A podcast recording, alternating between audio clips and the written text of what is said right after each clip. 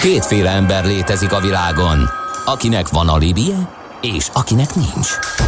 Az elsőnek ajánlott minket hallgatni, a másodiknak kötelező.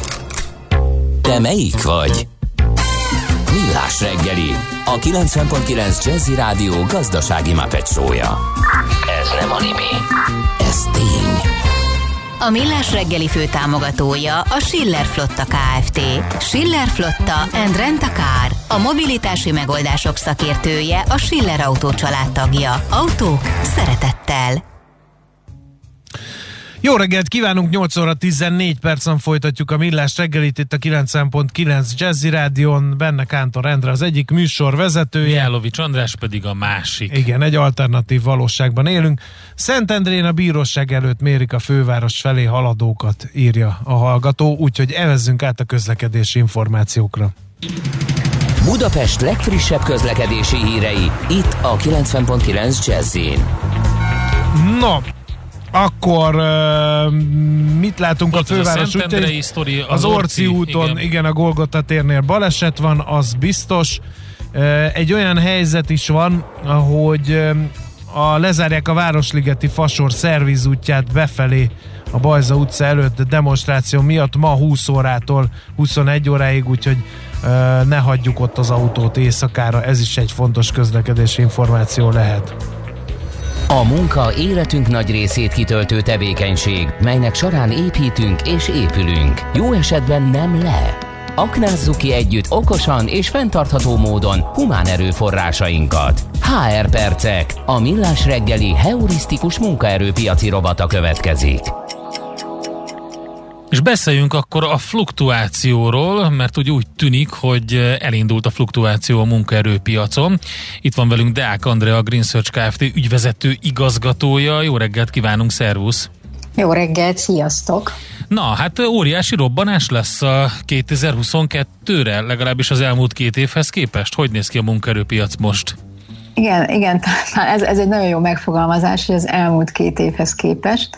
Ugye a pandémia, erről sokszor beszéltünk így az adásban is, hogy egy, egy féket jelentett az embereknek, tehát nagyon sokan megijedtek, inkább ott maradtak, ahol dolgoztak, kivártak, és nem csak a munkavállalói oldal, hanem a munkáltatói oldal pedig nem, nem bővítette a szervezetét. És akkor természetesen ebben voltak mindig különbségek, mert mindig vannak iparágak vagy cégek, akiknek nagyon jól megy, és ott bővítettek, de az az a piac egészére azért mégis az volt a jellemző, hogy inkább egy visszafogottabb számok jelentek meg a fluktuációban. Ez azt jelenti, hogy pontosan lássátok, hogy, hogy amely a legjobban fluktuálódó szektor, azért az a kereskedelem és a szolgáltatás, a szolgáltatási szektor egy olyan 4-5 százalékkal ment vissza, ami azért annyira nem erős, viszont a kereskedelem az felére esett vissza, tehát még általában egy 25-30 százalékos fluktuáció jellemző volt a piacra, ez leesett egy 15-16 százalékra, ami azért igen magas. És hát most ami a, a nehézséget okozza, és, és ez most össze fog majd, én, én azt gondolom, hogy össze fog majd érni, de majd akkor beszélgetünk jövőre, hogy összeérte vagy sem, hogy, hogy a cégek hamarabb nyitottak, mint az emberek, tehát mint a munkavállalók. Ez azt jelenti, hogy nagy mennyiségben elkezdtek főleg az oltás hírére bővíteni, vagy akár minőségi cseréket elindítani, viszont még a munkavállalói oldal nem indult meg, ez volt 2021-re a jellemző. Tehát igazából az történt, hogy nagyon-nagyon sok keresés lett, tehát ha fejvadászokkal beszéltek, vagy HR szakemberekkel, akkor nagyon-nagyon sok a keresés, és nincs ember. Tehát a legtöbb cég azzal küzd, hogy nincs ember, akit fölvegyen. Most ez változni fog, tehát elindult a munkavállaló, merészebbek lettek, ők maguk is, látják, hogy vannak lehetőségek, és ezért elkezdenek ők is mocorogni. Mi ez hagyja ezt a fluktuációt? Az, hogy máshol magasabb fizetéseket lehet kínálni? Tehát a, a munkaadók közti versengés hajtja ezt a, ezt a feltámadó fluktuációt? A fluktuációt az részben igen, részben meg az, hogy az ilyen elnyomott vágyainkat most megnézzük, hogy meg tudjuk-e valósítani. Tehát van, aki arra vágyik, hogy mondjuk eddig egy magyar cégnél dolgozott, és egy nemzetközi cégnél szeretne dolgozni, vagy eddig nagyon sokat utazott, szeretnek közelebb jönni, de van, aki pont, hogy eddig nagyon fontos volt számára, hogy közel dolgozzon, most már kevésbé érdekes bármi miatt, és ezért megnézi a távolabbi lehetőségeket is. Az biztos, hogy a fizetés egy felhajtó ereje a fluktuációnak, mert ugye ez egy normális eh, reakciója a piacnak, ami el is rontja a piacot, hogy eh, hogyha kevés az ember, amire nagyon sok ajánlat van, akkor bizonyos cégek meg fogják nyomni az ajánlatukat, hogy hozzájuk menjen az illető. Ez azt jelenti, az elmúlt évben a jelöltek akár 20-30 százalékkal tudtak többet kérni. Az nem jelenti azt, hogy mindig meg is kapták, de, de, de mindenképpen kértek. Tehát ha most így összehasonlításképpen, tehát azt mi is látjuk, mi ugye elsősorban vezetőket keresünk. Ha valaki mondjuk egy középvezetői szinten kért 900 ezer forintot tavaly, akkor most kér 1 millió kettőt. Ez mondom, nem biztos, hogy mindig meg is fogja kapni, mert vannak cégek, akik ragaszkodnak ahhoz, hogy ők nem hajlandók többet fizetni, de, de lesznek mindig cégek, akik meg igen. És akkor a jelöltek ezeket keresik. Szerintem ez ott fog berendeződni jövőre, hogyha a fluktuáció elindul, és lesz elérhető munkavállaló, akkor ilyen mértékben nem tudnak emelkedni a fizetések, nem is normális. Tehát tönkreteszi a vállalkozásokat egy ilyenfajta költség. Igen, de közben van egy óriási nyomás, és egyre többször hallani azt HR szakemberektől, hogy jobban helyzetbe kerültek a munkavállalók. Tehát a nyomás onnan érződik, ugye, hogy van egy, egy komoly infláció, ami uh, nyilván a KSH infláció, de azért az a kosár, ami a legtöbb munkavállalónál van, azért annál sokkal magasabb.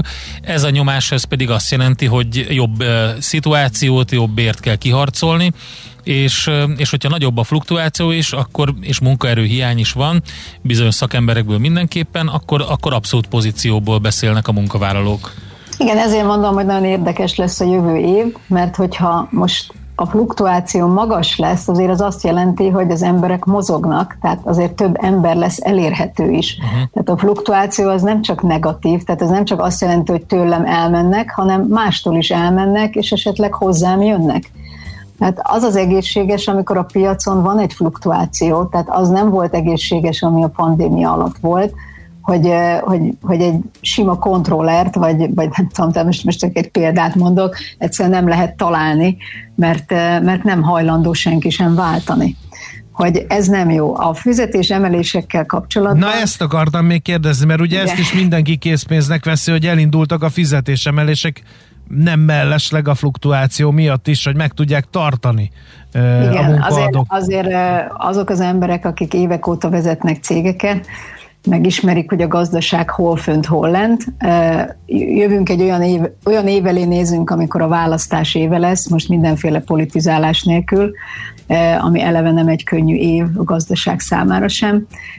Ilyenkor azért mindenki óvatosabb. Ettől függetlenül látunk egy emelkedést. Ugye ígértem, hogy, hogy pár adattal jövök most október elején. Volt egy, vagy ma, péntekkel fog zárulni egy fizetési tanulmányunk, de azért nagyjából már a trendeket látni, majd amikor novemberben jövök, akkor részleteiben el fogom mesélni.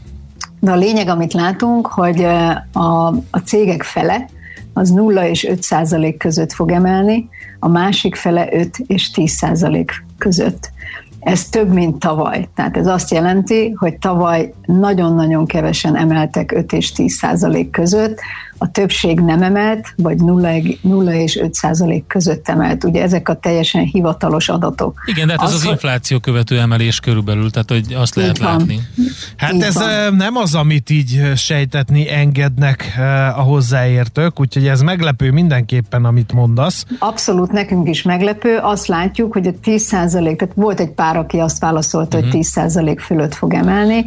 Ezek elsősorban azok a cégek, ahol fizikai dolgozók dolgoznak, és nekik még mindig viszonylag alacsony a bérük. Aha. De ahol, ahol tehát mi három-négy részre szoktuk osztani ezt, mert ugye amikor arról beszélünk, hogy fizetés emelés, akkor nem mindegy, hogy a több milliót kereső vezetőről beszélünk, vagy, vagy beszélünk arról, aki, aki az üzemben dolgozik pár százezer forintért. Mi a helyzet a kafetériával, meg a magánegészségügyel? Ugye azt szokták mondani, hogy a béren kívüli juttatás sokszor legalább olyan vonzó, mint a fizetés.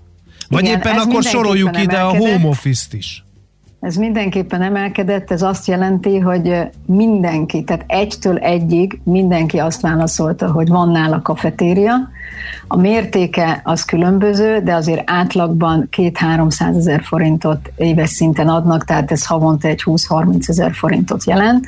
És aztán vannak a nagy cégek, akik, akik kiemelten nyújtanak, most nem mondok neveket, de, de nagy, nagy cégek, eh, ahol, eh, ahol a maximumot, most a maximum 800 ezer forint, ezt tudni kell, tehát van, aki még ezt is megadja, de azért ezek általában eh, komoly nagy cégekről beszélünk. Uh-huh. Eh, ami nekem érdekes volt, és nagyon jó, hogy rákérdeztél erre a, az egészségügyi és magánegészségügyi eh, vetületre, mert én azt hittem, hogy a pandémia hatására, én illetve hát a vírus hatására eh, ez egy nagyon komoly juttatássá fog előlépni.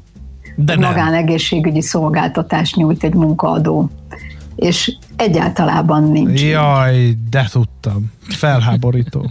Igen, de, Na de mindegy, ez, érdekes. Ez, ez nagyon de, érdekes De egy, ugye ez is egy sztereotípia volt. Tehát, hogy ez, ez még javába tombolt a járvány, és már azon töprengtek elemzők, hogy meg, meg szakértők, hogy milyen lesz majd a járvány után a munkaadók, munkavállalók kapcsolata, és ez egy ilyen, ez egy ilyen szent tehén volt, hogy biztos az, hogy a munkavállalók is igényelni fogják az egészségügyi juttatásokat, és ezt meghallgatva egy vonzó lehet, ha egy munkaadó ad ilyen egészségügyi csomagot is a bérek mellé, ehhez képest meglepő, amit mondasz. Na, ha most még azt mondod, hogy a home office sem az a szentehén, mint amit előtte, vagy elő, ezelőtt egy évig szajkoztunk, hogy de most már a home office a mindennapjaink részévé válik, akkor, akkor nem tudom, lemondok, vagy nem tudom, mit csinálok.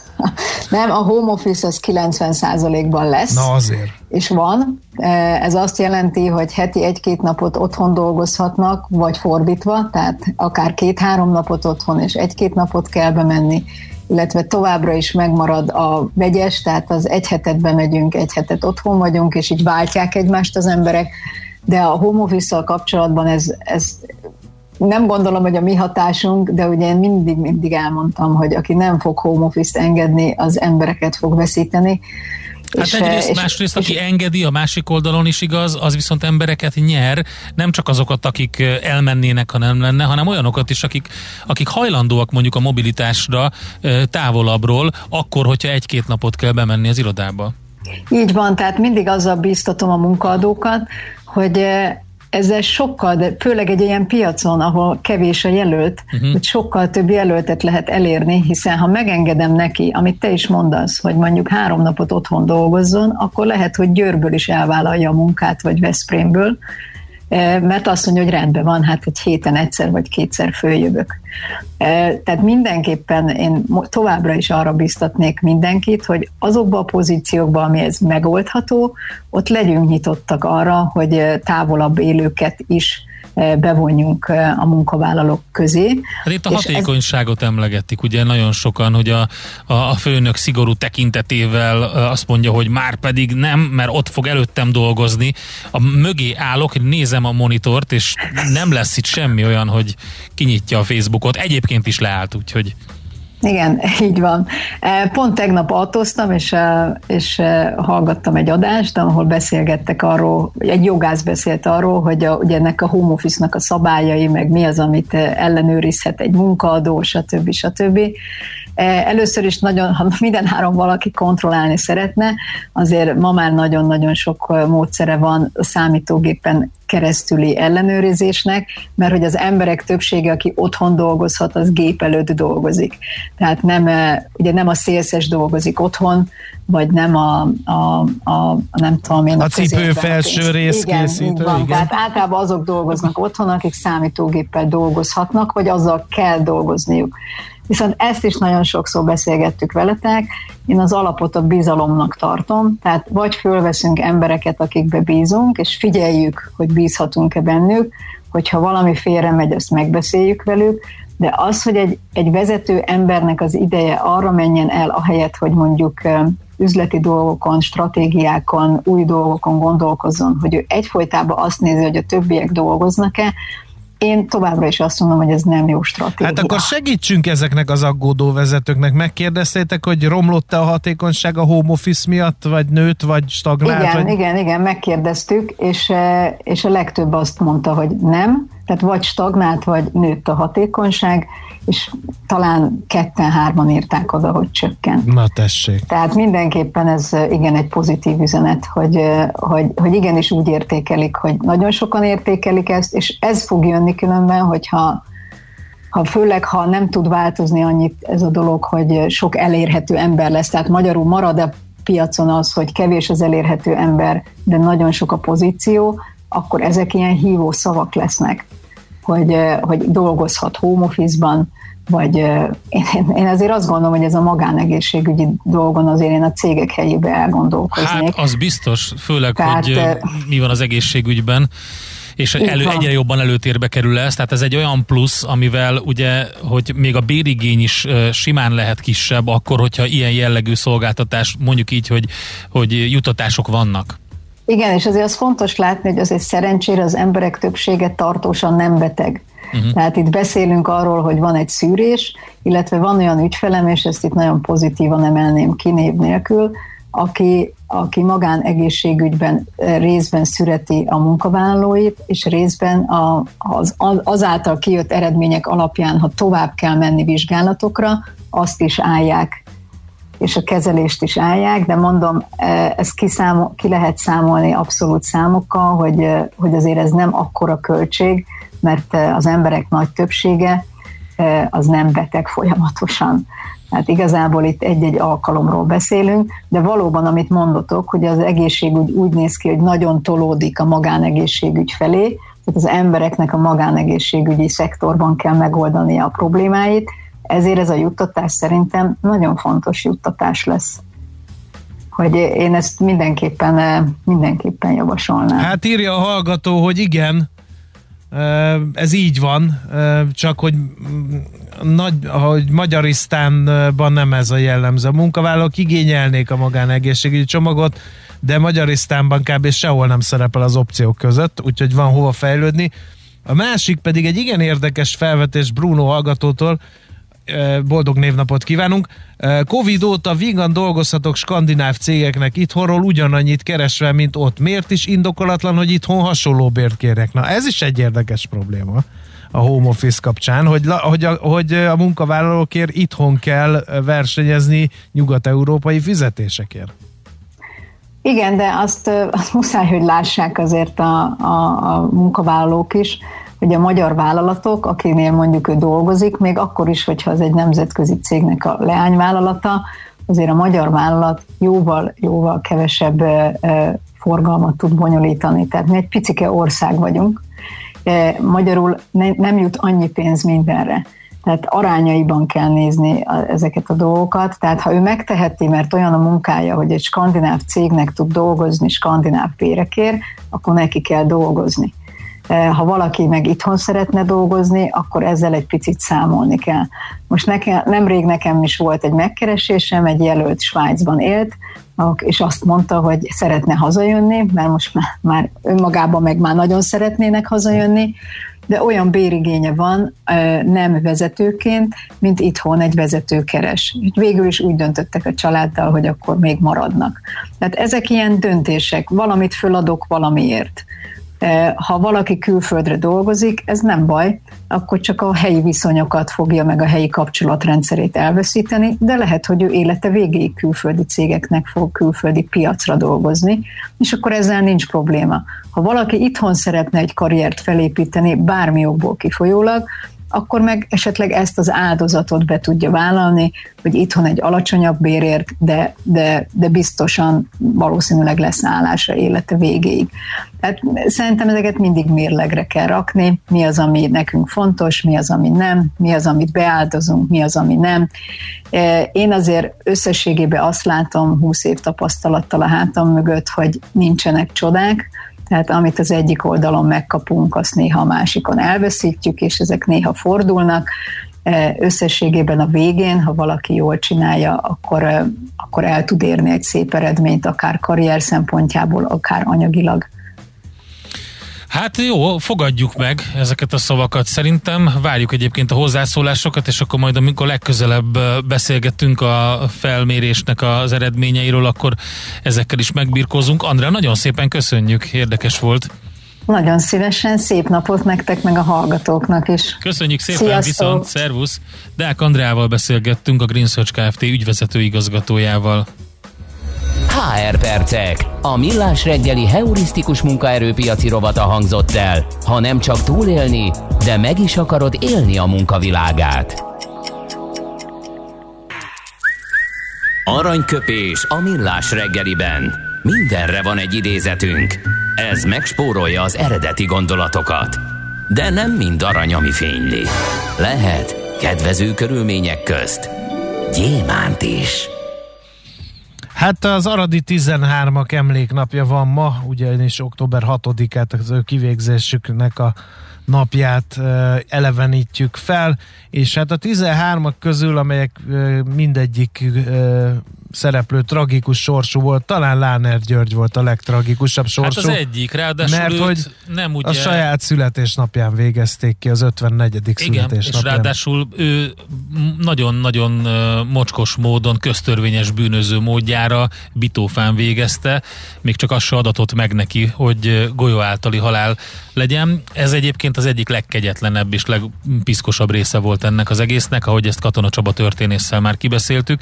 De egyébként ő 1795-ben, október 6-án született, és azt mondta, Krisztus keresztje és a bitófa, oly rokon, és az isteni áldozat mellett oly törpe az én áldozatom. Hát, mit tudunk erre mondani, mint hogyha valaki egy ilyet tud mondani a, akkor, amikor lényegében a teremtőjevel fog találkozni pár percen belül, akkor, akkor az erős, erős a hite, azt erős. tudom mondani. Aranyköpés hangzott el a millás reggeliben. Ne feledd, tanulni ezüst, megjegyezni arany. Egy jó ötlet, már fél siker. Az innováció, kreativitás hajtja a GDP-t, növeli a versenyképességet, munkahelyeket teremt. Kigondolni nehéz, eltulajdonítani azonban könnyű. A nemzeti tudásbázist és a kulturális vagyont hatékonyan kell védeni. A szellemi tulajdon kincset ér. Gondolkodom, tehát vagyon. A rovat támogatója az idén 125 éves Szellemi Tulajdon Nemzeti Hivatala. Ugye ebben a um, pandémiás helyzetben um, rá világított arra maga a, a vírus helyzet, ugye, hogy a gazdaságban egyre nagyobb segítséget jelent, hogyha a vállalkozások, alkotó műhelyek tudatosan foglalkoznak szellemi tulajdonvédelemmel, és hát egyre több felsőoktatási intézmény is elmozdult ebbe az irányba, mert hogy szemléletformáró együttműködésbe kezd a Szellemi Tulajdon Nemzeti Hivatala, valamint a Szegedi Tudomány Egyetem, és itt van velünk a vonalban a Szegedi Tudomány Egyetem stratégiai főigazgatója, dr. Sóka Ildikó. Jó reggelt kívánunk! Jó reggelt kívánok mindenkinek! Miért fontos az egyetem számára egy ilyen együttműködés? Azért fontos, ugye száz éves a Szegedi Tudományegyetem, és ugye szellemi tulajdon és szellemi vagyon mindig is volt, hiszen, hiszen nagy koponyák gyülekezete, ami, ami intézményünk, és hogy ennek a védelme ugye az utóbbi időkben egyre nagyobb hát fókuszt kapott, és ennek ugye az az oka, hogy, hogy egyre többen és egyre szabadabb az információ áramlás, tehát amíg azok a találmányok, azok a kutatói ötletek, amik korábban maximum tudományos publikációknak a keretén belül egy zárt körben forogtak, most már ezek az információk mindenki számára hozzáférhetőek, és akkor így, így aztán ennél fogva nyilván ennek a, az újdonság ér, értékére hát nagyon kell vigyázni annak érdekében, hogy minél tovább lehessen ezeket gondozni. Tehát nem feltétlenül a féltékenység az oka annak, hogy ezeket védeni kell, hanem igazából annak a, annak a lehetőségnek a biztosítása és az az együttműködés az SZTNH-val pontosan ezt szolgálja, hogy azok az ötletek, azok a kutatói hát, termékek, fejlesztések, szolgáltatások, gondolatok, azok itt maradjanak a Szegedi Tudományegyetem nevéhez fűződjenek, és így öregbítsék az intézmény hírnevét. A kutatók is ott tevékenykednek, ez igaz, de mégiscsak egy oktatási intézményről van szó. És hát a jövő generációja annak az oktatásában szerepet kap-e a szellemi tulajdon védelmével kapcsolatos ismeretanyag, hiszen pont az a célja lehet mondjuk az SNTH-nak is, vagy akár egy oktatási intézménynek is, hogy ez a hozzáállás, ez a, a világlátás, ami most mondjuk a magyar vállalkozásoknál van, hogy nem törődnek annyira a szellemi tulajdonukkal, ez megváltozzék. Tehát benne van a tananyagban a szellemi tulajdonvédelem. Benne van a tananyagban, de jellemzően azt kell, azt kell látni, hogy egyrészt szabadon választhatóként, ezt most fogjuk majd egyébként az SZTH-val teljes körülvé tenni a Szegedi Tudományegyetemen, de jelenleg jellemzően a gazdaságtudományi képzési területen jellemző ez, illetve a jogi képzési területen. Azokon az orvos egészségtudományi, természettudományi területeken, ahol a az úgynevezett hard science terület van, ahol, ahol, ahol gyakorlatilag nagyon sok újdonság keletkezik, ott nem jellemző ez. Így a kutatóknak az érzékenyítése, akik egyben oktatók is, tehát azért azt, ezt tudni kell, hogy egy felsőoktatási intézmény oktató, kutató, és akkor jó egy felsőoktatási intézmény, hogyha mindig napra kész információkat oktat a hallgatóknak. És nyilván, ha ő maga érzékeny erre és ismeri ezt a területet, ezt fogja átadni a graduális hallgatóknak, illetve a PhD hallgatóknak. Tehát jellemző, van oktatás, de ez jelenleg nem teljes körű. Az együttműködés az STNH-val akkor hogy néz ki a gyakorlatban, a mindennapokban? Úgy, úgy fog kinézni, hogy a teljes innovációs értékláncnak a teljes vonalában, tehát a, a kutatásmenedzsment, tehát azoknak a bizonyos gyémántoknak a megtalálásában, hogy melyek azok a területek, amelyeket érdemes, mi, mi az, ami publikálható tudományos területen szól, mi az, ami az ismeretterjesztés kategória, mi az, ami levédendő, hogyan fogunk ebből egyfajta termék életciklus gondolatmenetén belül át elvinni ezeket a kutatói ötleteket egy prototípusig, hogyan tudjuk ezt a gyakorlatban validálni, és hogyan jutunk el egy piacon levő termékig, hiszen az innovációnak ugye az a definíció, hogy valahogy egy termék legyen a piacon a társadalom az embereknek a hasznosulására. Tehát ebben fogunk majd összefogni, és gyakorlatilag ezt, az, ezt a teljes innovációs értékláncot közösen fogjuk végigvinni, e, beleértve ebbe azt az oktatást is, amit az előbb, amire az előbb rákérdezett. Akkor az lenne a jó, hogyha jól értem, hogyha bármilyen olyan publi, tudományos publikáció, kutatás, ennek eredménye, vagy ebből, ebből származó valamilyen termék születik a Szegedi Tudományegyetemen, akkor lényegében egy, egy, egy brand párosul hozzá, hogy maga a Szegedi Tudományegyetem ez a termék, és ez, ez így is marad meg. Igen, ezt, ezt abszolút jól fogta meg, tehát ez a lényeg, de akkor is brand, ha ez tudományos publikáció, mert azért ne feledjük, uh-huh. hogy az alapkutatás, amiből kiindulunk, amiből potenciálisan termékek lehetnek, melyek védhetőek, azért az egy nagyon széles alapon nyugvó alapkutatásból származhat csak és az a tudományos rendezvények, a tudományos uh, disszemináció és a publikációk továbbra is nagyon fontosak maradnak, viszont az annak eldöntése, hogy melyiknek, gyakorlatilag ezek értékesítési csatornák, uh-huh. hogy az értékesítés, a disszemináció az tudományos vonalon történik, egyes esetleges újdonságkutatást követően, ha azt látjuk, hogy ezt még nem gondolta így senki, ugye azért mi Szent Györgyi Albert Egyeteme vagyunk, Igen. És mi azt tanítjuk, hogy ugye látni, amit mindenki lát, és gondolni, amit senki se gondol, és ez a, ez a mi alap működésünknek a, a, a tézise és axiomája. Tehát ez a gondolni, amit senki sem gondol ennek, ennek a, a levédése, ez az, ami, ami fontos. Nagyon érdekes egyébként, itt néztem a közleményt, amiben uh, közölték, hogy a szellemi tulajdon portfólióban jelenleg 39 szabadalom, illetve szabadalmi bejelentés van, kettő használati mintaoltalom, 8 védjegy uh, alkotja, tehát, és, és még 43 know-how is gazdagítja a portfóliót, tehát amit itt említett az elején, hogy ugye ez is fontos, hogy el lehessen dönteni, hogy miből lesz tanús biztosító védjegy, miből lesz használati mintaoltalom, eh, mi az, ami know-how-nak minősül. Tehát ez sem teljesen egyértelmű szerintem. Abszolút, és ez az, amiben az SZTN-ra nagyban támaszkodunk, hiszen ez a tudás, ez a kompetencia nem feltétlenül van jelen egy felsőoktatási intézményben. Tehát mi oktatók, kutatók vagyunk, tesszük a dolgunkat ezen uh-huh. a területen, érezzük és tudjuk, hogy ez jó, ez hasznos, hiszen a kutatónak ez a léte, hogy elkezd gondolkodni, hogy ezt már valaki leírta-e, és ő csak egy résre megy rá, egy fehér foltra, egy gepet keres, hogy no, ezt az összefüggést még nem találta. Tehát az, a kutató alapvetően kíváncsi ember. És az innováció alapja a kíváncsiság. Tehát a, a kíváncsiságnak nem szabad elmúlnia. És a hát nem szabad elmúlni, és nem szabad felülírni azt sem, amiről beszélünk, ugye, mert, mert ugye van. egy kutató nagyon büszke az eredményeire, és aztán utána Hogyne. világá akarja kürtölni, hogy hát ezt én megfejtettem, erre rájöttem.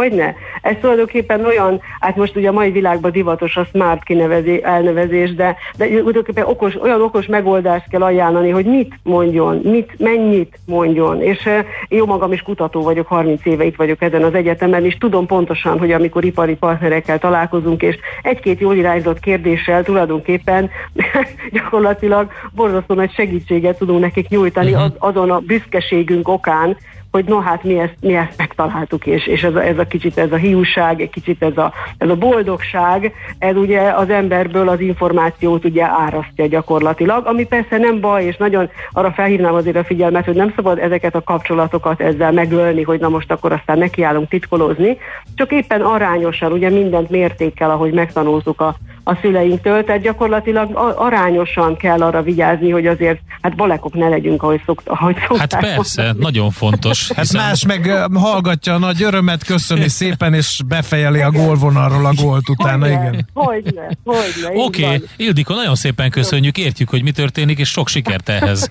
Köszönjük szépen. Nagyon szépen köszönöm, viszont hallásra. Visszahallás. Dr. Csóka Ildikóval beszélgettünk, a Szegedi Tudományegyetem stratégiai főigazgatójával, eh, szemléletformáló együttműködésbe kezd a Szellemi Tulajdon Nemzeti Hivatala és a Szegedi Tudományegyetem erről volt szó. A szellemi tulajdon kincset ér. Egy jó ötlet, már fél siker. Gondolkodom, tehát vagyon. A rovat támogatója az idén 125 éves Szellemi Tulajdon Nemzeti Hivatala. Szívesen böngésznél a nemzetközi és hazai piacokon? Meglovagolnád a hullámokat? Akkor neked való a Hotspot piaci körkép az Erste befektetési ZRT szakértőivel. Gyors jelentések, gazdasági mutatók, események. Nálunk mindent megtalálsz szakértőink tolmácsolásában. Ha azonnali és releváns információra van szükséged, csatlakozz piaci hotspotunkhoz. Jelszó Profit nagy P-vel. Szabó Balog Péter van itt velünk a vonalban, üzletkötő, szervusz, jó reggelt kívánunk! Jó reggelt kívánok, szervusztok, üdvözlöm a hallgatókat! Mi a helyzet? Igazából azt kell mondanom, hogy eh, három eh, fontos eh, dologra figyelnek a bőrzék, és ez alakítja véleményem szerint a, a részvényárfolyamokat is. Ezek rendre energia, kötvényhozamok és a heti munkanélküliség, illetve az átfogó munkanélküliségi adatok, amelyek majd pénteken jelennek meg az USA-ban, tehát energia, kötvényhozamok és non-farm payroll.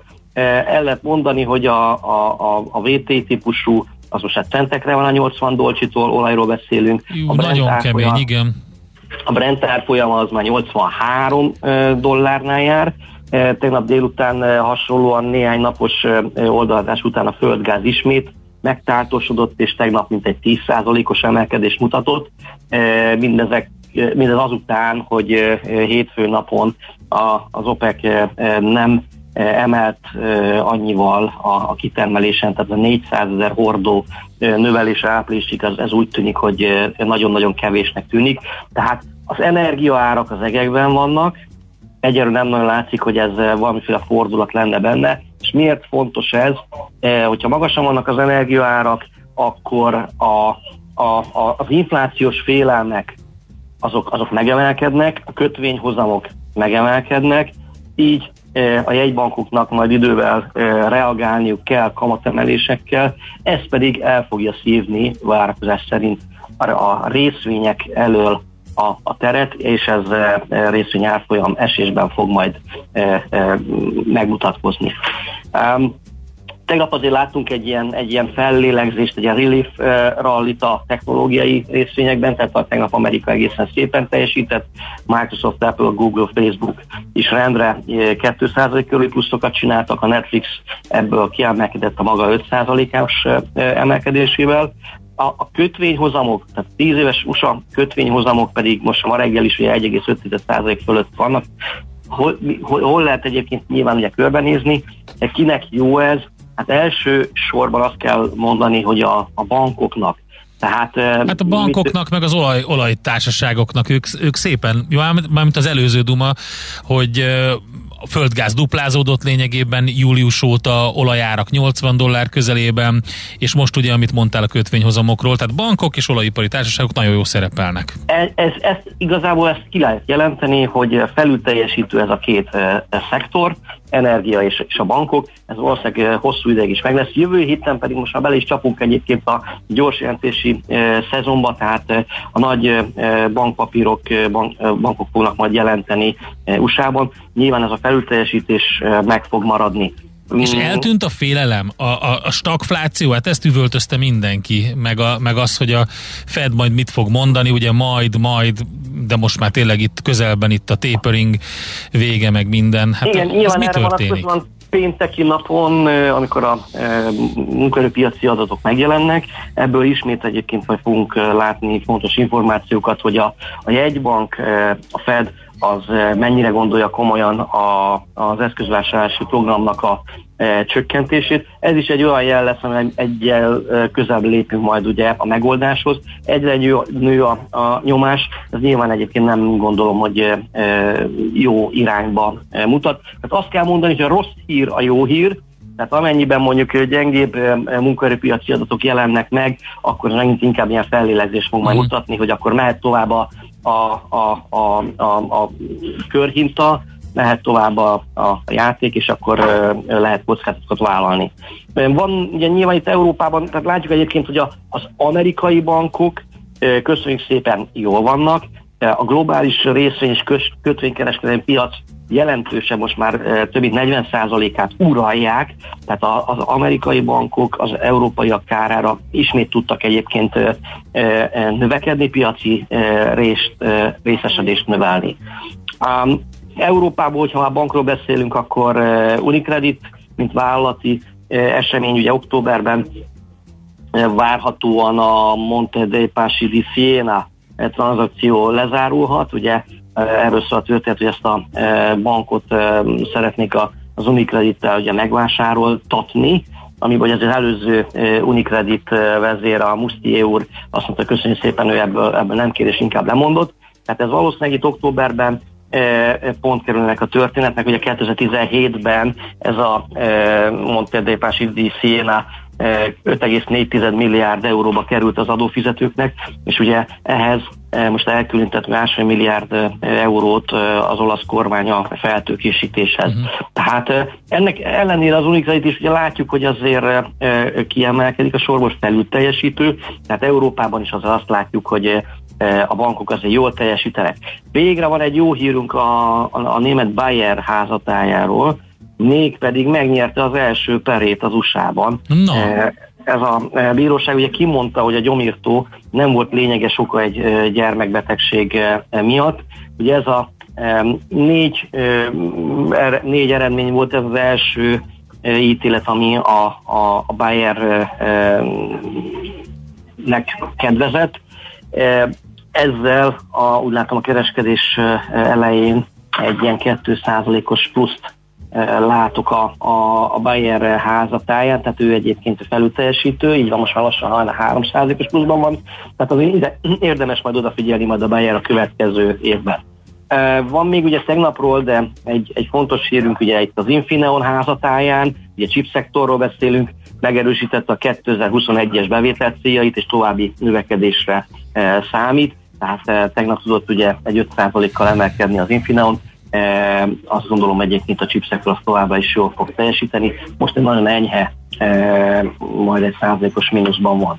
Tehát így összefoglalva, mire figyelünk, ugye energia kötvényhozamok non ról ugye az adósságplafonról e, október 18-áig kell dönteni a döntéshozóknak e, Amerikában, és e, így kezdjük egyébként ezt a napot. Izgalmas, oké, okay, köszönjük szépen Péter, akkor beszámolunk majd a továbbiakról, mi történik ezekkel.